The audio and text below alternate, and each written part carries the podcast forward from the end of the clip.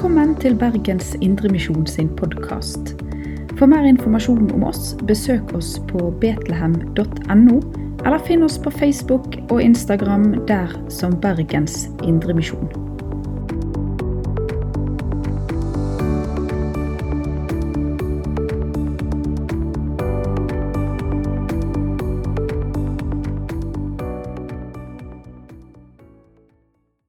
Ja, hei alle sammen.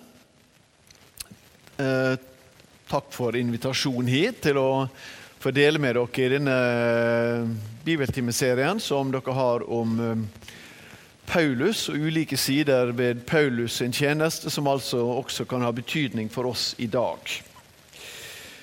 Eh, og Temaet som vi har for denne kvelden, her, det knytter seg til Paulus som menighetsplanter, menighetsbygger, eh, og betydninga som menighetsfellesskapet har. Eh, spesielt slik som vi eh, opplever det gjennom Paulus' sin tjeneste. Og ikke bare det, men også på en særlig måte hva menighetsfellesskapet kan ha å bety for eh, våre liv som kristne, altså for oss som disipler det kristne livet. Og ikke da primært det kristne livet i den kristne forsamling, for der er det jo ikke så himla vanskelig å leve det kristne livet. Eh, I, i den begrensa forstand som vi kan leve ut livet mens vi er samla på denne måten. Eh, men de fleste timer i døgnet så er vi ikke her. Eh, og da er vi en annen plass i livet og skal hente da ressursene til det livet her i det kristne fellesskapet. Jeg er jo med i Nordkirken her i byen. Eh, og eh, vi, vi prøver det sånn at, at alle skal få være med i et eller annet mindre fellesskap. Noen kaller det huskirke, noen kaller det for smågruppe. Det gjør vi gamlingene. Og, og i, i, vår smågruppe Og alle smågruppene har, har da en visjon, egentlig, eller et motto eller en hensikt som er tegna for smågruppene. Og det er at vi skal Eh, at vi skal hjelpe hverandre eh, til eh, å leve som Jesu disipler. Vi skal hjelpe hverandre til å leve som Jesu disipler. Og da er jo vi inne med en kjempeviktig del av det som altså skal være det kristne fellesskapet sin funksjon. Men vi må jo si litt om menighetsfellesskapet også. og dette blir ikke en utgreiing av på en måte den paulinske eklesiologien. Det er et teologisk ord da, som betyr lære om kirka. Eh, men vi skal berøre litt av det som Paulus eh, skriver, og, eh, og som vi ser hos han når det gjelder, når det gjelder menigheten og, og hans tanke om hvordan den skal kunne fungere. Før vi hiver oss inn i det stoffet, så la oss be ei bønn. Gode Gud i himmelen, vi takker for at du har planta di kirke på jorda. Og at vi får være en del av dette store globale fellesskapet som tilhører deg, Jesus. Og at vi skal få være en del av det lokale fellesskapet som vi kan bygge på ulike plasser i denne byen av mennesker som tilhører deg. Hjelp oss å hjelpe hverandre til å være dine etterfølgere i dette fellesskapet, så vi kan forstå de liva du har kalt oss til å leve. Amen. Det vi skal gjøre nå i, i denne bibeltimen i dag, det er at vi skal, skal, skal lese et avsnitt fra et av brevene til Paulus, fra Filippa-brevet. Jeg håper inderlig dere har bibler med dere. En bibeltime det liksom gir en forventning om det. Og så skal vi parallelt med at vi skal se på det som står der i Filippa-brevet, så skal vi følge et litt sånn større avsnitt i Romerbrevet.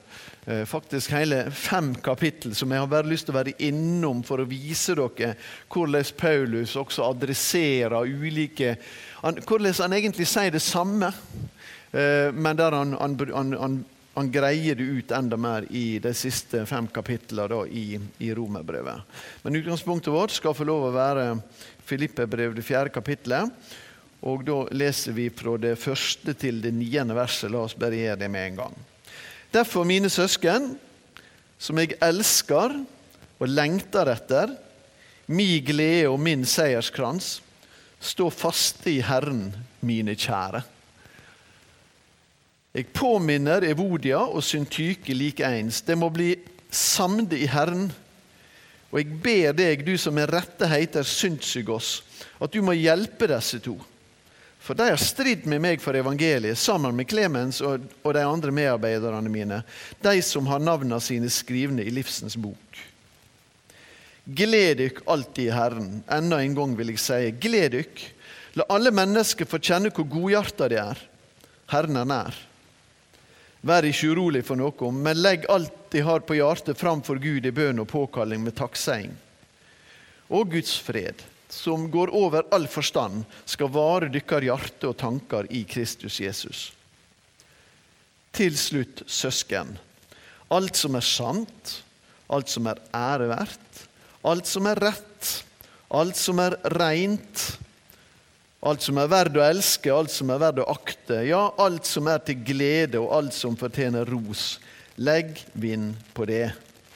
Det som de har lært, og det som de har tatt imot, det de har sett og det de har hørt av meg, gjør alt dette, og fredens Gud skal være med dykk. Det var de versene jeg ville at vi skulle lese sammen, og som vi skal liksom bevege oss litt sånn fram og tilbake mellom. Eh, det og eh, det som vi finner også i Romerbrevet, i det siste kapitlene der.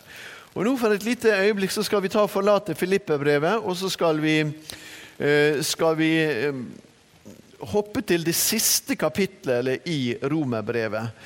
Eh, fordi at der gir Paulus oss et unikt innsyn, egentlig. Eh, som vi ofte ikke er klar over. For Hvis jeg sier romerbrevet til dere, så tenker dere ja, romerbrevet 3 det er vakkert. Og 4 og 5 og 6 og 7 og 8. Og så har vi hele Israel da, i 9 til 11. Men det er få av dere som tenkte at når vi skal finne noe eh, oppbyggelig romerbrevet, så går vi til kapittel 16. Eh, for det er bare en rekke med hilsener. Ja, men det, saken er det at de hilsenene kan fortelle oss ganske mye. Og også inn mot det temaet som vi har i dag. For det sier oss noe om hvordan den første kristne kirka i disse storbyene i det romerske riket, og dette var den største av storbyene, eh, og hvordan den var skrudd sammen, egentlig kapittel 16 i Romerbrevet. Vi skal ikke lese det på noen måte. Men det som er det slående med dette kapitlet, det som dette kapitlet får meg til å tenke på, det er et vers som egentlig er veldig kjent for mange av dere, nemlig Galaterbrev 3, 28. Eh, dette verset som sier at her og Det er da i fellesskapet, i trua, i dåpen. Her er det ikke jøde og greker, eh, trell og fri, og kvinne og mann. Vi er alle én i Jesus Kristus. Og det, Når vi leser denne teksten her i, i, i Romerbrevet 16. kapittelet, så er dette en tekst som hvis vi liksom følger godt med gjennom teksten, så ser vi at menigheten i Roma, hvem var det? Ja, Det første vi ser, er at det bestod av minst fem husmenigheter. For her er fem husmenigheter, ulike husmenigheter adressert. De som samles i det huset, de som samles i det huset, de som samles med den og den. Her er fem sånne husmenigheter. så Det vet vi ut fra dette kapitlet. I Roma, helt på slutten av 50-tallet, eh, når Paulus skriver brev til dem, så er det i alle fall fem husmenigheter i Roma. Og dere vet, På denne tida her, der fantes ikke noe kirkebygg. Eh, en var avhengig av å møtes, slik som når Paulus f.eks var i Filippi, som vi leste ifra her. Eh, og, eh, og, så var det da en av de som helt sikkert ble en, en de første lederne i menigheten, her, Lydia. Eh, hun er jo den som, hun ble en leder fordi at hun, åpner, hun, hun tar imot evangeliet. Så åpner hun huset sitt. Og Lydia sitt hus blir den plassen der de samles med den første kristne menigheten. Og Det var stort nok, for hun var forretningskvinne. Eh, hun hadde en huslyd som ikke bare bestod av mann og to barn, ganske sikkert, men hun hadde en hel gjeng av mennesker i huset sitt, kanskje flere generasjoner, og en del tjenere i huset. Slik at det ble en liten menighet av det når alle ble døpt i, i huset til Lydia. I Filippi. Og Slik møter vi i Roma også. I Roma er det i alle fall fem sånne menigheter. I disse menighetene, og dette er et unikt kapittel egentlig, eh, i, eh, i, hele, i hele antikken så er dette et unikt kapittel. Fordi at vi vet ikke om noen andre brev i, artik i antikken. Vi vet om noen brev der ei kvinne kan nevnes iblant alle som blir adressert med hilsen. Men det finnes veldig få slike brev i det hele tatt fra antikken der en hilser kvinner. Det er under en manns verdighet å hilse en kvinne. Men 9 av 26 personer som nevnes i Romerbrevet 16, er kvinner. Så vi får demonstrert i Romerbrevet 16 at her er ikke mann og kvinne. Noen er tydelig sagt at de er jøder, de er mine landsmenn. Og noen av navnene som blir brukt her, er også navn som vi vet brukes mest på jøder. Og vi vet at det var både jøder, selv om det var mest hedninger, helt sikkert i menigheten i Roma, det leser vi gjennom brevet ellers, så var det også en gjeng med jøder. Så her er ikke jøde og greker. Og Når vi også leser gjennom navnene i denne lista, så er det noen navn som typisk hører til i et høyere samfunnslag, og så er det noen navn som hører til i det lave og blant slavene. Så vi vet at i disse menighetene i Roma der var det menn og kvinner. Der var det jøde og greker. Og der var det slave og fri. Og de var alle én i Kristus. Dette kan vi få, det er jo rett oppbyggelig, egentlig. Dette er det ingen som har fortalt dere fra, for Romerbrevet 16. For jeg har aldri kommet dit. Når jeg gikk på bibelskolen, så kom Henrik Røykenes aldri lenger til kapittel 8. Eh, 16 kapittel er langt uti det. Du blir ikke ferdig med det på et semester. Eh, men, men det, det fins gull der ute også som forteller oss noe. Og dette sier noe om, disse, om den første kristne kirka. Husmenigheter. Og her adresseres alle sammen. Det er disse, dette brevet til romerne som vi skal se litt mer på her også nå. Det er denne gjengen her av alle disse ulike, disse sammensatte flokken av mennesker. Dette mangfoldet av mennesker som vi finner i menigheten i Roma. Det er de som blir adressert om den kristne trua, om det kristne livet. Om etterfølginga eh, av Jesus Kristus. Og alle hører til. Alle hører til. Det er ingen forskjell. Alle hører til. Men det er også slik at for å få del i den veiledninga som apostelen gir, så trenger du å høre til. For den som hadde med seg dette brevet, ganske sikkert Føbe som også har et veldig sånn sterkt ord om, om, om, hva tjeneste hun har. Eh, eh men hun, det er hun som er sannsynligvis kurer for Paulus. Og reiser, og reiser til Roma, skal ha en reise til Roma, ha med seg et brev fra Paulus. Og så legger hun dette brevet fram for menighetene. Men hvis de ikke var der i menigheten, så hørte ikke de dette brevet. De måtte være der. Og de måtte være der for å hjelpe hverandre til det livet i Kristus-etterfølgelse som menigheten var til for. Og Det har jeg bare lyst til å si til oss som er her, og det er kanskje ikke vi som trenger å høre det. Men vi må bare også minne hverandre på det at dette livet, det å skulle leve livet som kristen på avstand fra det kristne fellesskapet, det er et dødsprosjekt. Det er et prosjekt som uvilkårlig leder til død, til åndelig død. Og Da påstår det ikke at alle som lever alene som kristne, nødvendigvis har, har nådd døden. Men det bærer åndelig, det bærer et varsel om åndelig død i seg, og ikke ville høre til et fellesskap av kristne. Men her er vi eh, og, har, og får ha del i det fellesskapet. Så la oss få glede oss over det. Det var altså et lite glimt inn i Romerbrevet, det 16. kapittelet, for å se at det er et menighetsfellesskap. Og Det er et menighetsfellesskap som Paulus til og med ut i dette kapittelet her eh, gir noen formaninger, men det mest hilsener. da. Gir de også noen formaninger, eh, og, men sier noe også om at slike mennesker tjener ikke Herren Jesus Kristus, men sin egen mage. Så hold dere borte fra vrang lære. Så også kapittel 16 har noen av disse her tingene ved seg som er viktig å minnes på som kristne. Det var det første jeg hadde bare lyst til å si litt om. Eh, og så skal vi gå en liten tur tilbake til Filipperbrevet, eh, det fjerde kapittel og det første verset. Derfor, mine søsken, som jeg elsker og lengter etter, min glede og min seierskrans, stå fast i Herren, mine kjære. Ah, det er jo nesten sånn at det er svulstig. Det er nesten sånn at det er svulstig. Iallfall for en mann å stå og lese det. Men Paulus ble jo regna som mann. og Han hadde vel identitet som mann også, vil jeg tro. Så, eh, men, men, han skriver som elsker, som har sin glede. Mine kjære, jeg lengter etter.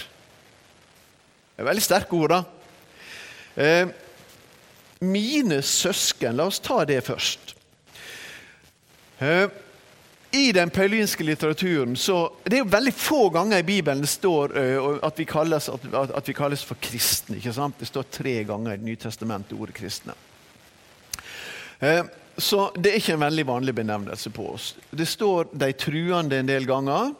Men det ordet som nok brukes definitivt mest i Det nye testamentet av Paulus om oss som kristne, om hans medkristne, det er ordet 'søsken'. Rett og slett. Det er ordet 'søsken'. Og Hva setter det oss på sporet av? Også i lys av at Jesu favorittord for Gud var far, som vi finner noen få ganger i Det gamle testamentet, men som Jesus, det flømmer over hos Jesus å kalle Gud for far. Og akkurat sånn er det med Paulus. Når han skal adressere oss, så kaller han oss primært altså for søsken.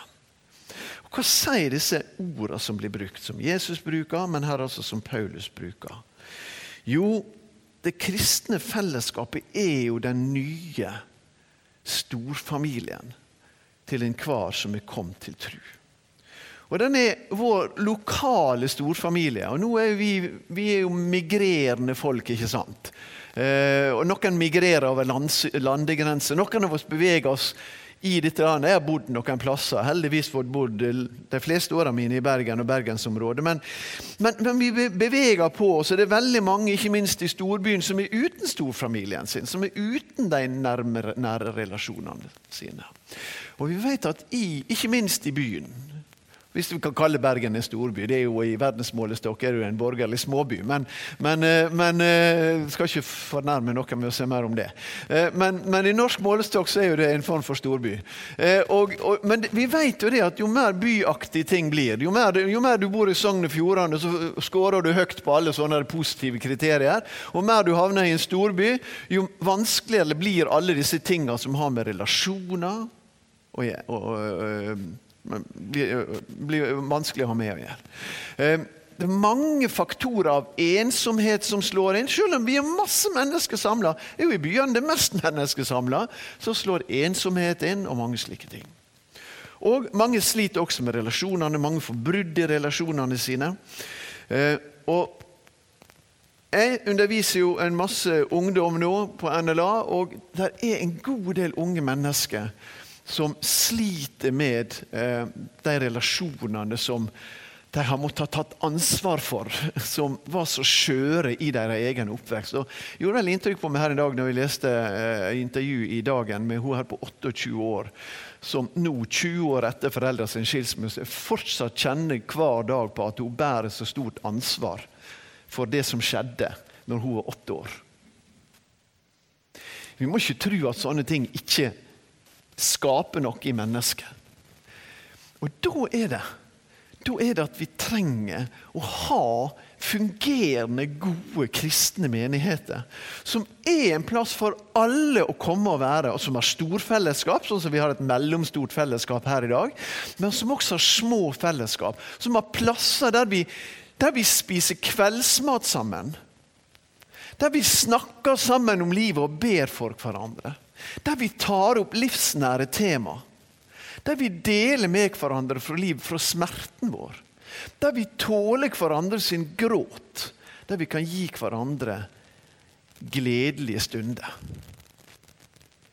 Det er drømmen min om den kristne menighet. Og Når jeg leser Paulus når jeg leser Paulus i Filippebrevet, så leser jeg en sånn Paulus som stikker hodet fram. Når han kan skrive sånn som han er her, sånn som jeg knapt nok er i, jeg hadde gjort i et brev til kona mi. For jeg liksom liker ikke alle disse ordene 'jeg elsker deg' og sånt. Jeg, jeg, jeg bruker heller omskrivinger som sier det samme, eh, men som er kjøligere. Og jeg vet det, og det bør ikke være sånn. Men mine søsken, som jeg elsker og lengter etter, mine kjære. Og vi som lever med våre sår på ulike måter. Tenk hvis det kristne fellesskapet kunne oppfylle denne grunnleggende verdien av det som Paulus her skriver at han forventer at det kristne fellesskapet skal være en bærer av. Et søskenfellesskap. Vi driver selv leiligheter eh, til mor mi, og far min er jo død eh, for tida, for mor mi er på sykehjem. Og så, og så vet vi jo at sånne ting Sånne ting som det, som har med arv og sånt, det, det slår jo så mange sår inn, vi har av og til inn i de beste familier. Ja, vi har vært veldig bevisst på det, og det går veldig bra. Jeg er så utrolig takknemlig for at et søsken at kjøtlige, ja, kjødelige, det passer jo for meg for så vidt, kjøtlige søskenforhold kan fungere sånn. Og det gjør det, og det jeg synes det er fantastisk. Og så tenker jeg at Det får være modell for også hvordan det må fungere her med oss når sånne kjøtlige forhold av og til står sprekker eller bryter sammen. For det kan det faktisk gjøre. Da må vi som har fått Den hellige ånd, som drives av Guds ånd. Da må vi som hører Jesus til og skal dannes i hellig etterfølgelse av Han. Da skal vi som har kalt til å være lik Gud og Alt dette står i Det nye testamentet. Da må vi gjennomtenke og gjennomarbeide hvem vi vil være som fellesskap. Mine søsken, mine kjære. Og Vi finner akkurat disse uttrykkene for så vidt i romerbrevet, romerbrevet også. Jeg vet ikke om vi skal holde på å mase fram og tilbake, men i kapittel 12 i romerbrevet der, der finner vi akkurat noen av de samme uttrykkene om dette med, med søsken. Kapittel 12 og vers 10, f.eks. Eh, eh, Eh, det var ikke vers 10. Eh, men eh, han skriver, han skriver, her også om mine kjære når han skriver det. det var i første, i første Korinterbrev. Det var ikke rart det var feil. Det var, jeg, var helt sikkert i vers 10. For her har vi det. Elsk hverandre med inderlig søskenkjærleik. Har vi akkurat det samme? Så hører dere akkurat samme språket som han har i Filippebrevet. Elsk hverandre med inderlig søskenkjærleik. La dette være en familie der vi vet at her kan vi komme med det vi har i livet vårt. Her kommer jeg ikke for å forestille meg, her kan jeg komme for så å si i overført betydning og legge meg ned på sofaen uten at noen trenger å bry seg. Her kan jeg komme og være hjemme og få slappe av, få senke skuldrene i livet mitt. Her kan jeg komme og få mat. Her kan jeg komme og få spørsmålet som hver dag møter meg når jeg kommer for jobb. Hvordan er denne dagen vår? Hvordan går det? Inderlig søskenkjærlighet. Og la den kjærligheten være ekte, skriver Paulus til deg. Eh, la den være ekte. Um, ja, Han sier videre i det andre verset her i Filippa-brevet.: Jeg påminner Evodia og Syntyke likeens. Dere må bli enige i Herren. Og Her brukes jo da innenfor gresken et ord som går på mer enn enighet, men dere må ha samme hjerte. Dere må ha samme sinn. Dere må være likesinna. Det står ikke at du skal ha samme mening i alle ting. Står, altså, politisk kan vi variere, vi, kan, vi, har generasjonsforskjeller, vi kan ha uenigheter på mange ting. La oss nå ha det. Vi skal ikke ha et ensretta fellesskap, men vi skal drives av det samme sinn og hjerte. Samme sinnelag og hjertelag. Ha samme hjerte og sitt, sinn midt i det gode mangfoldet. Ha samme hjerte og sinn. Eh, og Det var helt nødvendig å si her inn i situasjonen, for dette var det to stykker som Paulus egentlig gir noen veldig sterke ord om hva det har betydd for han. Han skriver at de har vært helt tydelig inn i en, en en innerste krets for ham blant de i Filippi når det gjelder medarbeidere. Og han som et synsugus må hjelpe dem til å bli enig. For de har jo stridd sammen med meg for evangeliet. Eh, Så de har stått midt i den tøffeste striden sammen med Paulus som hans medarbeidere. Disse to kvinnene. Og så er det et eller annet, og det kan skje mellom kvinner og det kan skje mellom menn, men her er det mellom to kvinner. Det er noe som har skjært seg mellom to kvinner. Så de begynner å De sliter med å tåle trynet på hverandre. De prøver å unngå hverandre, kanskje. De har en konflikt.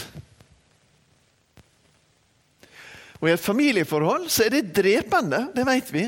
Det er ikke bare drepende for de to. I et familieforhold så drepes familieforholdet.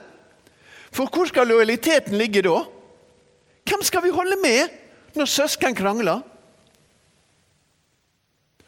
Og så er det en bror av deg som får beskjed nå får du sørge for at disse søsknene her kan leve greit sammen som søsken og finne tilbake til kjærligheten, den de hadde da de var mine medarbeidere.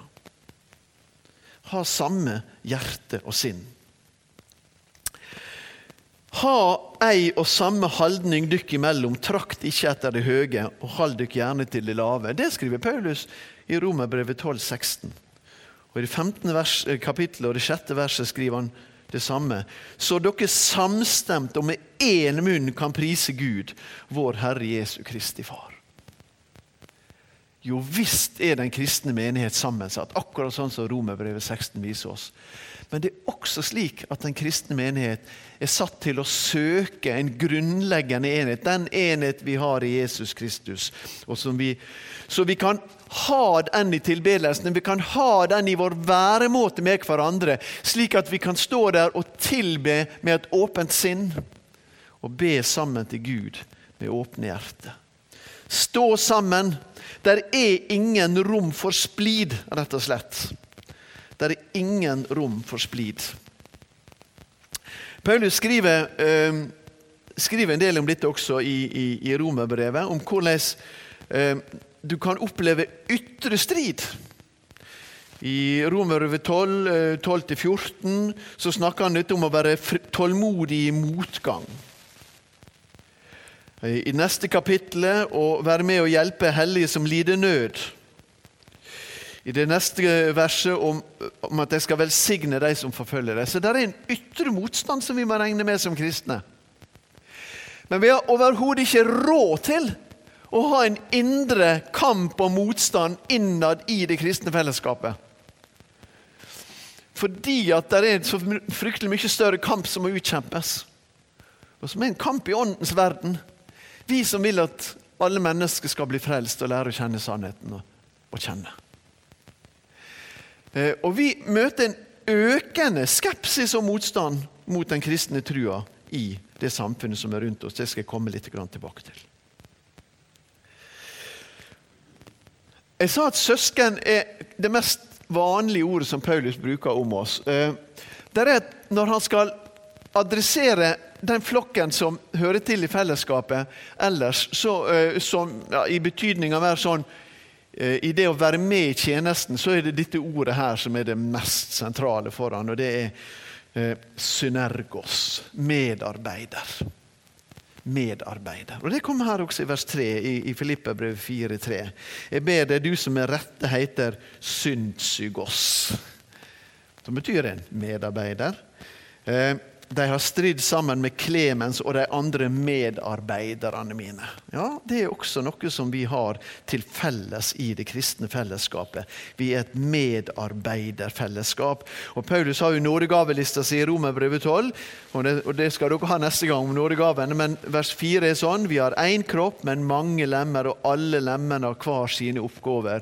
Vi er hverandre sine medarbeidere. Vers 4 i Filippe-brevet. Gled dere alltid i Herren. Enda en gang vil jeg si gled dere. Og Der er jeg litt glad for at romerbrevet utvider litt følelsesspekteret når vi kommer til kapittel 12 vers 13.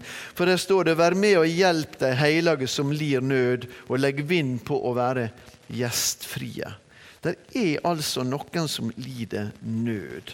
Det er også noe som heter gråt eh, i det kristne fellesskapet. Den som trøyster, skal virkelig trøyste, står det i Romerbrevet 12,8. I vers 15.: Gled dykk med de glade, gråt med de som gret.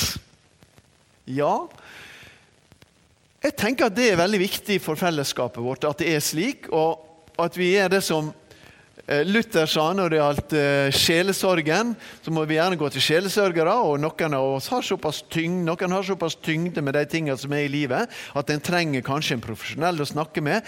Men sånn for de vanlige dagligdagse problemene våre så sier Luther at da må vi søke det som heter brødrenes gjensidige trøstetale. Det er den grunnleggende sjelesorg. Det er når søsken kan snakke sammen. Når søsken kan snakke sammen og hjelpe hverandre med livet. Det er ikke slik, iallfall ikke en lekmannsbevegelse som uh, iallfall Indremisjonen var i tid, uh, og forhåpentligvis er fortsatt. Så er ikke det sånn at vi søker ekspertene for alle ting. Men vi er alle sammen like mye eksperter på livet. Og kan dele liv med hverandre og hjelpe hverandre på plass med livet. I glede. La det være gledens fellesskap. Jo, det er Hver gang vi har et dåp, dåp av barn her, eller sånn, det er jo en fest og en glede, ikke sant? Og så er det et, er det et gråtens fellesskap. For i dette fellesskapet kanskje er det noen som også skal føres til grava.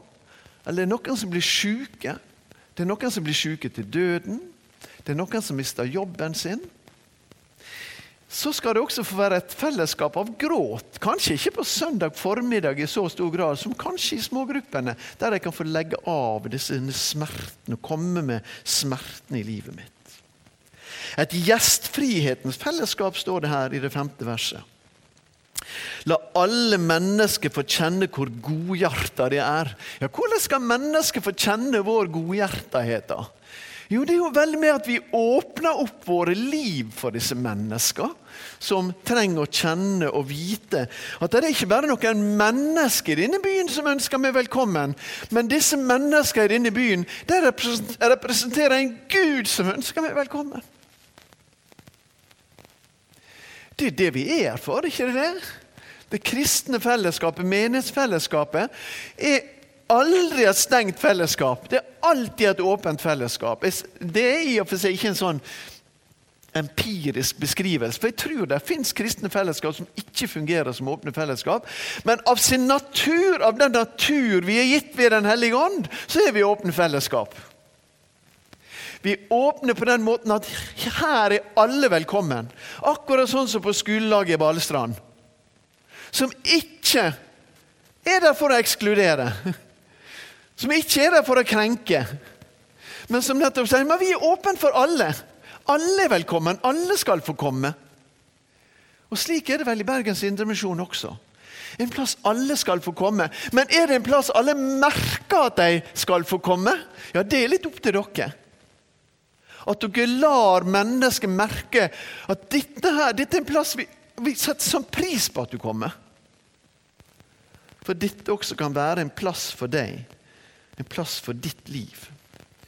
Eh, Romerbrevet 12 går videre på det. Da bruker jo, eh, bruker jo gjestfrihetsordet 'være med og hjelpe hellige som lider nød', og 'legg vind på å være gjestfrie'. Som Hebreerbrevet sier, 'vær gjestfrie', for på den måten kan du uten å vite det ha fått noen engler på besøk. Så kan du lure på er det reelle engler som har vært der, eller skal jeg tenke om disse var som engler. Eh, det ikke alltid det, det siste, da. For vi skal jo ikke bare invitere de engleaktige, sier Jesus. Vi skal invitere de som vi ikke forventer kommer til å gjøre godt gjengjeld mot oss. Gjestfrihet. Gjestfrihetens fellesskap. Åpent mot verden. Det er et fellesskap i bønn. Eh, vær ikke urolig for noe, 4-6, men legg alt de har på hjertet framfor Gud i bønn og påkalling med takkseiing. Ja, vi ber i våre egne liv. Vi ber i våre egne liv. Men det kristne fellesskapet er også et sted for felles bønn. I det mindre fellesskapet der vi kan dele med hverandre, men i menighetsfellesskapet òg. Vi har jo alltid en forbønnsdel. Og i menighetens fellesskap er det alltid et element av tilbeding. Og vi trenger også å minne hverandre på, sjøl i disse tider som vi syns, ofte, syns gjerne er litt tunge av ulike grunner, ulike politiske grunner, så trenger vi likevel å heve blikket vårt og takke.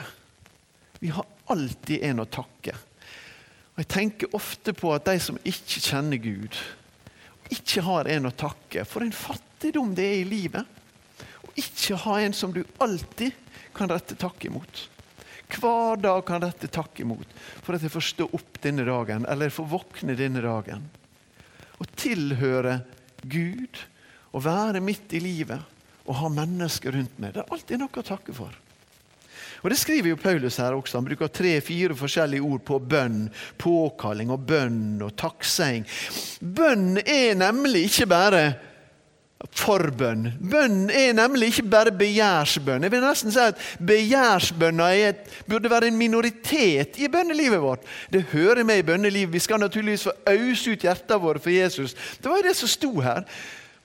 Men bønneliv blir rikere også i fellesskapet når det ikke bare blir begjærsbønner for det ene og for det andre og for det tredje.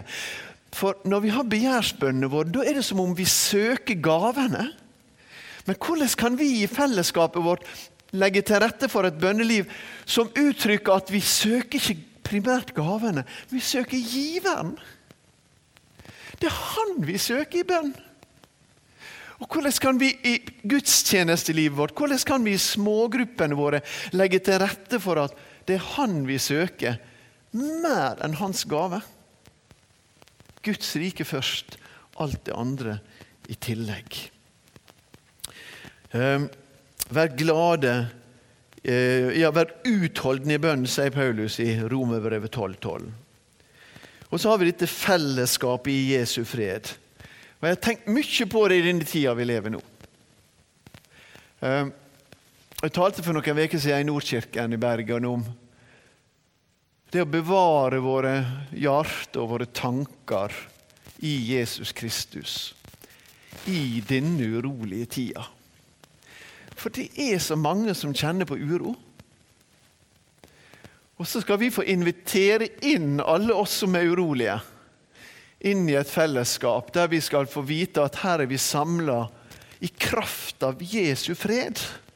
For dette Guds fred sant? Det er Alle vi teologer elsker jo genitiver på gresk. fordi at det, fordi at de kan bety så mange forskjellige ting. Det er herlig, genitiv er et eget studium i gresk. Eh, og her kan det bety, Guds fred kan bety f.eks. at vi har fred med Gud. Eller det kan bety at vi har fred fra Gud. Eller kanskje ikke det er eksklusivt. Kanskje betyr det både det ene og det andre. Kanskje må det begynne alltid der tror jeg, at vi har fred med Gud. Men så gir det også en fred fra Gud. Og dette fellesskapet som vi har som kristne, det er denne plassen der vi skal få kjenne at vi hører til i Guds fred, og minne hverandre på at det er i Guds fred vi bevares for våre hjerter og tanker, som har så lett for å være urolig den nye, lokale storfamilien vår. Tenk hvis den kunne være sånn som vi leser her i Filippebrevet 4.1-7. Ja, men den snakker jo også om det nye livet. og Vi sa vi skulle si en del om det nye livet her i dag òg. Og det skal vi gjøre. Nå skal vi snakke litt om det nye livet, som på en måte finner sin, som finner sin vekstplass da, i det kristne fellesskapet. Så det kan vokse fram et et vitalt, et frodig liv. Et liv som bærer frukt. Frukt som vare. Frukt til evig liv. Kjærleik, glede, fred, langmod. Alle disse ordene som kommer. Åndens frukt som vokser fram. Livet. Og Det skriver jo Paulus til slutt her om i denne teksten i Filippebrevet. Til slutt, søsken. Og så skriver han noe om alt som er sant og alt som er æreverdt. Og, og du skal komme tilbake til det. Men jeg har lyst til å si at dette om det kristne livet eh, og fellesskapet, det handler jo først om det vi kaller det interne livet. Det interne livet. Og Det er det Paulus minner oss om i Romerbrevet 12, vers 9 og utover. Og Der skriver han om hvordan ja, vers 9 til eh, ja, kan det være eh, helt til vers 16 for den del. Men la oss lese noen av disse versene. Som jeg tror på en særlig måte handler om det livet vi lever sammen som kristne. For her har han skrevet om, eh, om, det kristne livet, om livet i menigheten, om nådegaven i menigheten. Så begynner han i vers 9 og sier la kjærleiken være ekte. Avsky det vonde og hold deg til det gode. Elsk hverandre med inderlig søskenkjærlighet. Sett de andre høyere enn dere sjølve. Vær ikke lunka, men ivrige. Vær brennende i anden, tjen Herren. Vær glade i håpet, tålmodige i motgangen, utholdende i bøna. Vær med og hjelp de hellige som lider nød, og legg vind på å være gjestfrie. Eh, og så videre nedover. Og Her tenker jeg at Paulus tar veldig høgde for en realisme om våre liv. Og Han er jo høgst realistisk tidligere. Når vi leser Romerbrevet 7, så ser vi at Paulus er ganske realistisk på hva vi har å kjempe med i livet vårt. Heldigvis kommer kapittel 8, for kapittel 7 er aldri det siste. ikke sant? Kapittel 8 er jo kapittelet som ved ånden driver oss inn også i seier i det kristne livet, slik at vi ikke skal bli kapittel 7. Det normale kristenliv er ikke Romerbrevet 7. La det være veldig tydelig sagt. Det er ikke det normale kristenliv. Eh, men vi må regne med å erfare Romerbrevet 7 for så å ved Guds nåde gå videre inn i, inn i åndens liv i våre liv. Men det er en realisme hos Paulus på det kristne livet, også i det kristne fellesskapet. En realisme for ulike scenarioer. En realisme for at det går an å bli lunken i trua si. Det går an å miste iveren sin. Det går an å miste gløden for at mennesket skal bli frelst. Det er et realistisk scenario. Det går an å miste gleden i kristenlivet. Det går an å bli så nærsynt at jeg mister håpet av syne for det kristne livet. Det går an å bli så gniten at ikke jeg gir til de som lider nød, midt i det kristne fellesskapet. Det går an å bli så sjølsentrert at ikke jeg åpner opp livet mitt og heimen min i gjestfrihet osv. Det er fullt mulig i livet vårt. Og Her sier han noe inn i det kristne fellesskapet at da får vi hjelpe hverandre. Da får vi hjelpe hverandre til åndens standard for våre liv. Vi som er kalt til å være lik Gud vi som er kalt til å følge Jesus. Vi som har fått Den hellige ånd, som er virksom i våre liv.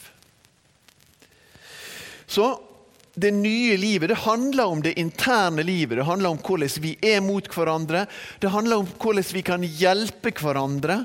Det handler om hvordan vi holder vårt åndelige, vår åndelige vårt åndelige liv ved like. Apropos det som Vigleg begynte her med disse fire kraftkildene som vi leser om i apostelgjerningene 2, 42.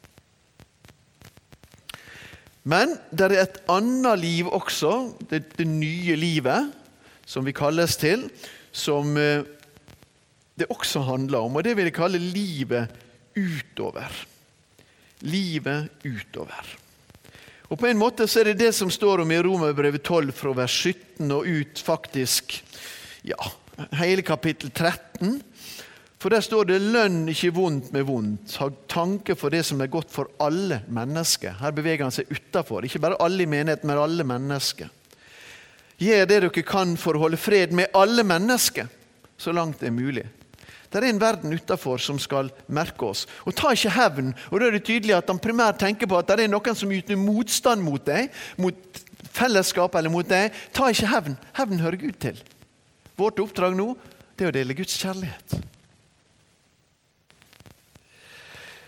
La ikke det vonde få vinne over deg. Og Så kommer vi hva forhold vi skal ha til styresmaktene. Kapittel 13 handler i stor grad om hva forhold vi skal ha til styresmaktene. Vers 1-7.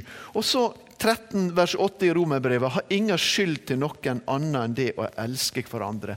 Den som elsker nesten, har oppfylt lova. Og Så kommer buda på rekke og rad nedover. Buda den, i den andre tavlen, som vi ofte sier. Og Som altså er summert opp i, ikke nulla ut av, men summert opp i det store budet om å elske sin neste. Og Alt dette handler primært om livet utover.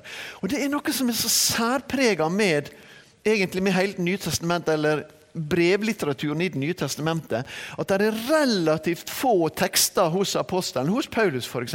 Og han, han, forstår seg sjøl som misjonær, og han skriver veldig frimodig om seg sjøl som misjonær. Og her I kapittel 15 i Romerbrevet så skriver han om hvordan han må gå til nye folkeslag og nye områder der evangeliet ikke har blitt forkynt. Han er misjonær, han er apostel, han er sendt.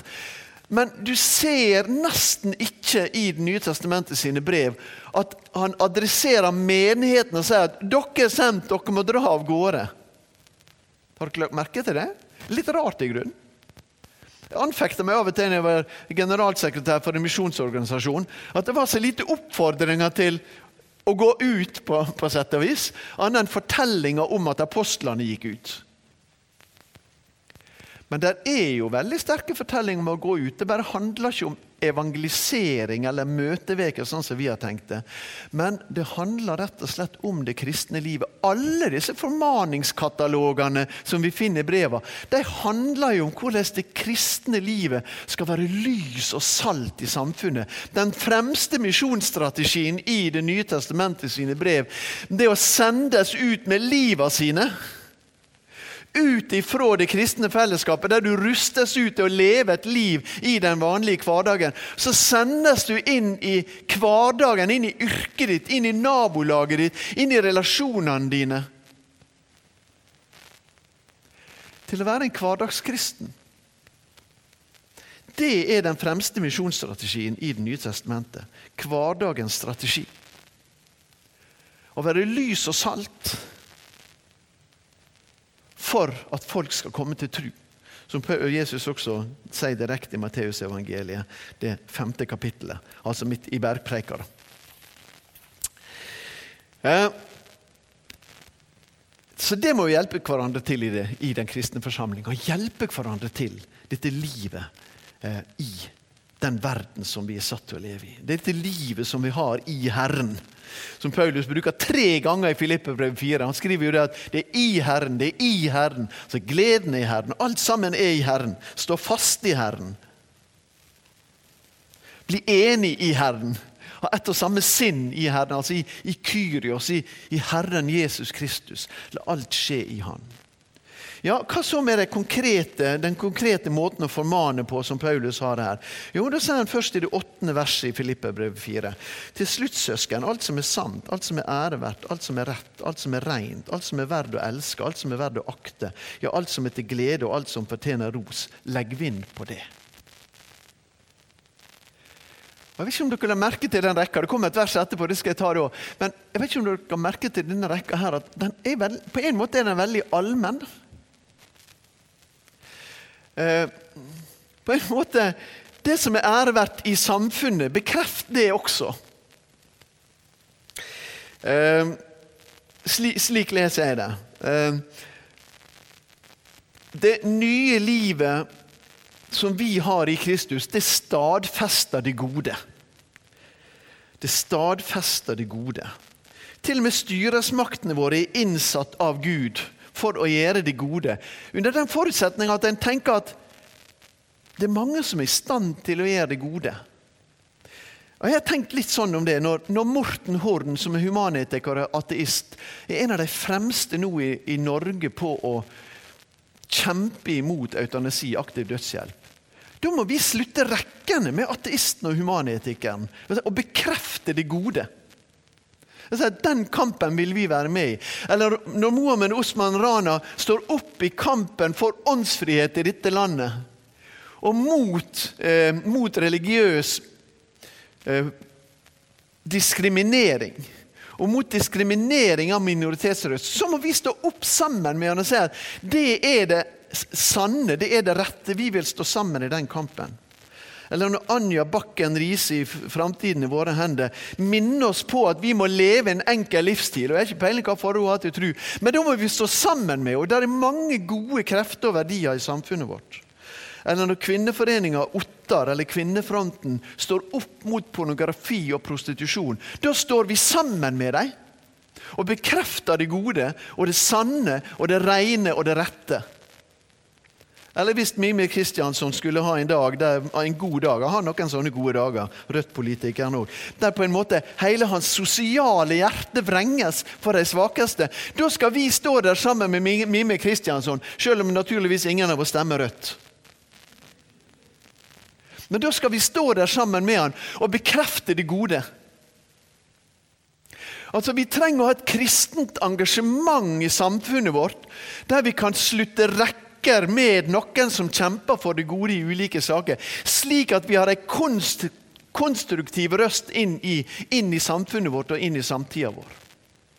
Sånn at ikke alt vi står for, bare blir konfrontasjon. Det blir noe som bekrefter at det er noe I alle kulturer er det noe godt. I alle kulturer er det noe som vi må kjempe imot. Men noen ganger så skal vi altså stå opp for det gode sammen med andre mennesker som det går an å stå sammen med. Men det kan ikke være alt som vi har å si om det. For Paulus sier også i vers 9 i Filippebrevet Det som de har lært, og det som de har tatt imot, og det som de har sett, og det som de har hørt av meg. Gjør alt dette, og fredens Gud skal være med dere. Og Disse ordene som han bruker her, eh, om det nye livet. Det, dette med overleveringa det, det, brukes flere ganger i Nytestamentet. Jeg legger kjempevekt på dette med at jeg, jeg bare fører videre det jeg sjøl har mottatt, og det overleverer jeg videre til dere. Og Her er vi inne i sånne overleveringsord. Der er noe som er blitt åpenbart, der er noe som er autoritet, og det, det overleverer vi videre. Og det står vi for, og det lever vi etter. Og Paulus sier ikke bare at, at de har lært og tatt imot og sett og hørt. For det er mye vi kan lære å ta imot og høre og se. Men han sier dere har, hørt, dere har, dere har lært, tatt imot og sett og hørt det av meg. Gjør alt dette. Det er apostelen som taler med sin autoritet. Som også vi finner igjen naturligvis i, i, i Romerbrevet sin, sin, avslutningsdel, som vi har vært litt inne i. Eh, der f.eks. Paulus sier i kapittel 15 vers 4 der at, eh, at alt i Skrifta er nyttig. Alt som før er skrevet, er skrevet for at vi skal lære det. Vi skal få hjelp gjennom det, gjennom det til tålmod og trøst som Skriftene gir. Og Ut i det 16. kapittelet, faktisk de siste versene i hele, i hele brevet, så står det eh, akkurat det samme. Som har makt og styrke ved mitt evangelium. Eh, det som har kommet for dagen gjennom profetiske skrifter og etter påbud fra den evige Gud. Så det er nok en veldig understrekning av at vi er gitt noe som er fra Gud. Og vi har fått det gjennom profeter og gjennom apostler. Og da er Det sånn at det er ikke alltid vi kan bekrefte kulturen vår. Noen ganger må vi velge, må vi rett og slett gjøre valg i livet våre som går imot kulturen sin standard. Som går imot kulturen sin standard på bruk av penger og materiell eiendom. Som går imot kulturen sin standard på forbruk av seksualitet. Som går imot kulturen sin standard på så mange ting i livet våre. Og det er jo også slik nå, Før, for, for en generasjon og to siden, så var det sånn at Folk var glad for å få sendt barna sine til en kristen kontekst, fordi at da fikk de iallfall med seg de gode verdiene, selv om foreldre ikke følte at en bar de verdiene så veldig godt videre. I dag så er det sånn at folk er redde for å sende barna sine inn i en kristen sammenheng. For hva kan de bli prega av der av radikaliserte holdninger? Hva kan en bli prega av der av krenkende og diskriminerende holdninger? Og Jeg har ingenting til overs for hun Meloni som nå blir statsminister nede i Italia, og den, altså, den litt fascistiske bakgrunnen som hun har. og sånt. Jeg er ikke der politisk, eller noen sånne ting, men legg merke til litt av retorikken når norske journalister skal fortelle om det. Så forteller de at hun har en nyfascistisk bakgrunn, og hun står for eh, de, eh, de, de verdiene. Da kommer nasjonalisme og innvandringsmotstand. Og så er hun skeptisk til abort, vil begrense aborttilgangen, og så er hun mot likkjønnekteskap. Og det kaller altså norske journalister for fascisme. Det er det de, det er det de underliggende gjør. Hun er nyfascist, og dette er de verdiene hun står for. Og, de, og Ergo måtte, skulle noen stå for de verdiene i vårt eget samfunn, så er vi nyfascister. Jeg er 63 år, det klarer jeg. jeg ingen problem. Ingen problem med min hverdag, ingen problem med mine naboer. Ingen, altså, om noen skulle liksom huke meg og ta meg, så er det helt greit. De skal bare få prøve seg. Jeg kommer til å bite tilbake. Men ungdommene våre, da?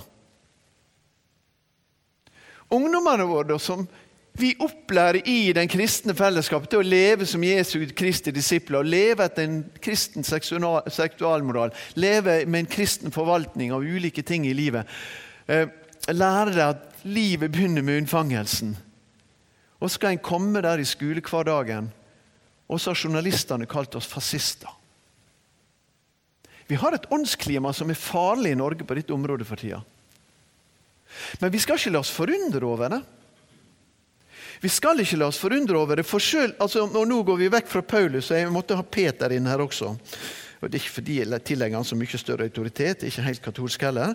Men eh, i det tredje kapittelet i første Peters brev så står det altså Hvem kan gjøre dere vondt når de brenner for det gode? Men om det lider rett for rettferds skyld, da er de salige. Vær ikke redde for dem, og la deg ikke skremme, men hold Kristus heilag som Herre i hjertet. Vær alltid forberedt så de kan svare for deg om noen krever deg til regnskap for håpet som de eier.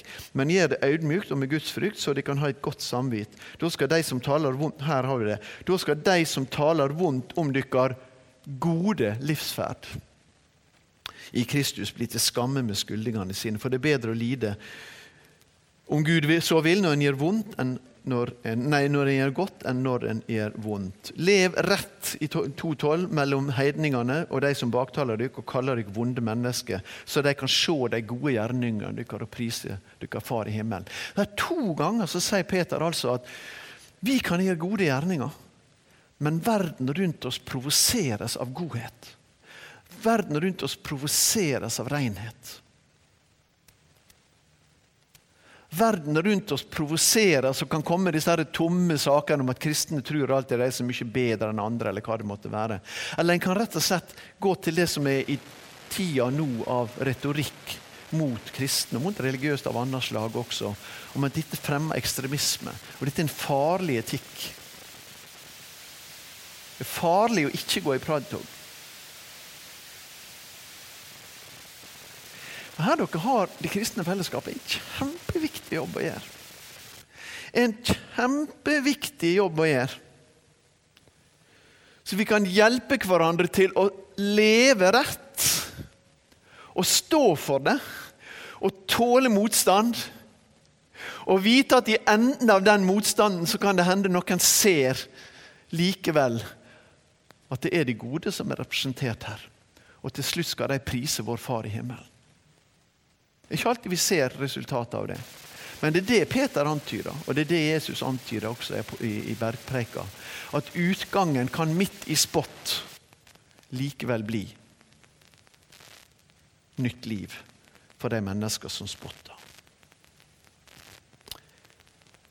Og I denne sammenhengen sier Paulus, må vi også bruke forstanden vår. For det fins også andre områder. og jeg vi er jo kjent i bedehuslandskapet og jeg skal slutte her nå, vi er jo kjent i bedehuslandskapet for å liksom ha innført en del sånn ellevte bud. Pietismen er litt kjent for å ha mange bud. 759 spørsmål og svar hadde på en topp i den. Og mange av de svarene på en måte var ikke direkte bibelske, da, for å si det sånn, i, i alle etiske spørsmål. Men de passer godt med den tida sikkert de ble talt inn i. Dere, de unge kristne som lever i dag, de må slippe byrden av de tilleggsbudene. Vi må forholde oss til det som faktisk ligger i dagen i Skriften når det gjelder hva det betyr å følge Jesus Kristus. Det er nok. Og Da må vi også bruke forstand i fellesskapet vårt for hvordan vi, hjelper, hvordan vi kan hjelpe og støtte hverandre. Paulus skriver noe om her at vi trenger ikke være enige om mat og drikke. Vi trenger ikke være enige om mat og drikke. Vi trenger ikke være enige om høgtider og skikker. Men vi kan godt prøve å søke enighet om skikker og måter. På hvilken måte skal vi samles? Hvordan skal gudstjenestefellesskapet vårt være? Skal det være på en slik måte at alle generasjoner kjenner seg hjemme her? Hvor villig, Og så skriver han en del om den sterke og den svake. og Jeg har lyst til å adressere det til oss mange sterke som er her i dag. For det Paulus skriver både her og i 1. Korinterbrev, det er at det er vi som må ha mest å gi. Vi som forvalter tradisjonen. Vi som sørger for at ting er som de alltid har vært. Og på den måten ofte er med å støyte vekk unge mennesker. Vi må sørge for å være de mest fleksible og har mest å gå på på de tingene som strengt tatt ikke betyr noe annet enn liksom å, å, bevare noen gamle kulturting fordi vi er en bevegelse eller en, er 150 år gamle. Og Det har jeg lyst til å utfordre dere til som forsamling. Fordi dere er en tradisjonsbevisst forsamling, og dere har en rik tradisjon som man naturligvis ikke kan leve på, men som man kan hente opp ressursene ifra. Men i en slik kontekst så må vi også leve sammen i det kristne fellesskap på en slik måte at vi som da åpenbart er sterke fordi vi har levd 50-60-70 år med Kristus, 40-30 også, gir ganske stor styrke. Vi har mest å gå på. Og vi bør ha mest å gi for at evangeliet skal få den plass iblant oss og skape helhet i fellesskapet vårt, og få være med å frimodiggjøre også unge kristne. Ja, gode Gud, hjelp oss til det. Hjelp oss til at vi forstår hva din vilje er, slik at vi lever den ut i livet våre. Og hjelper hverandre til det. Og hjelp våre unge kristne å finne sin plass i det kristne fellesskapet. Du har lytta til Bergens Indremisjon sin podkast. For mer informasjon om oss, besøk oss på betlehem.no, eller finn oss på Facebook og Instagram der som Bergens Indremisjon.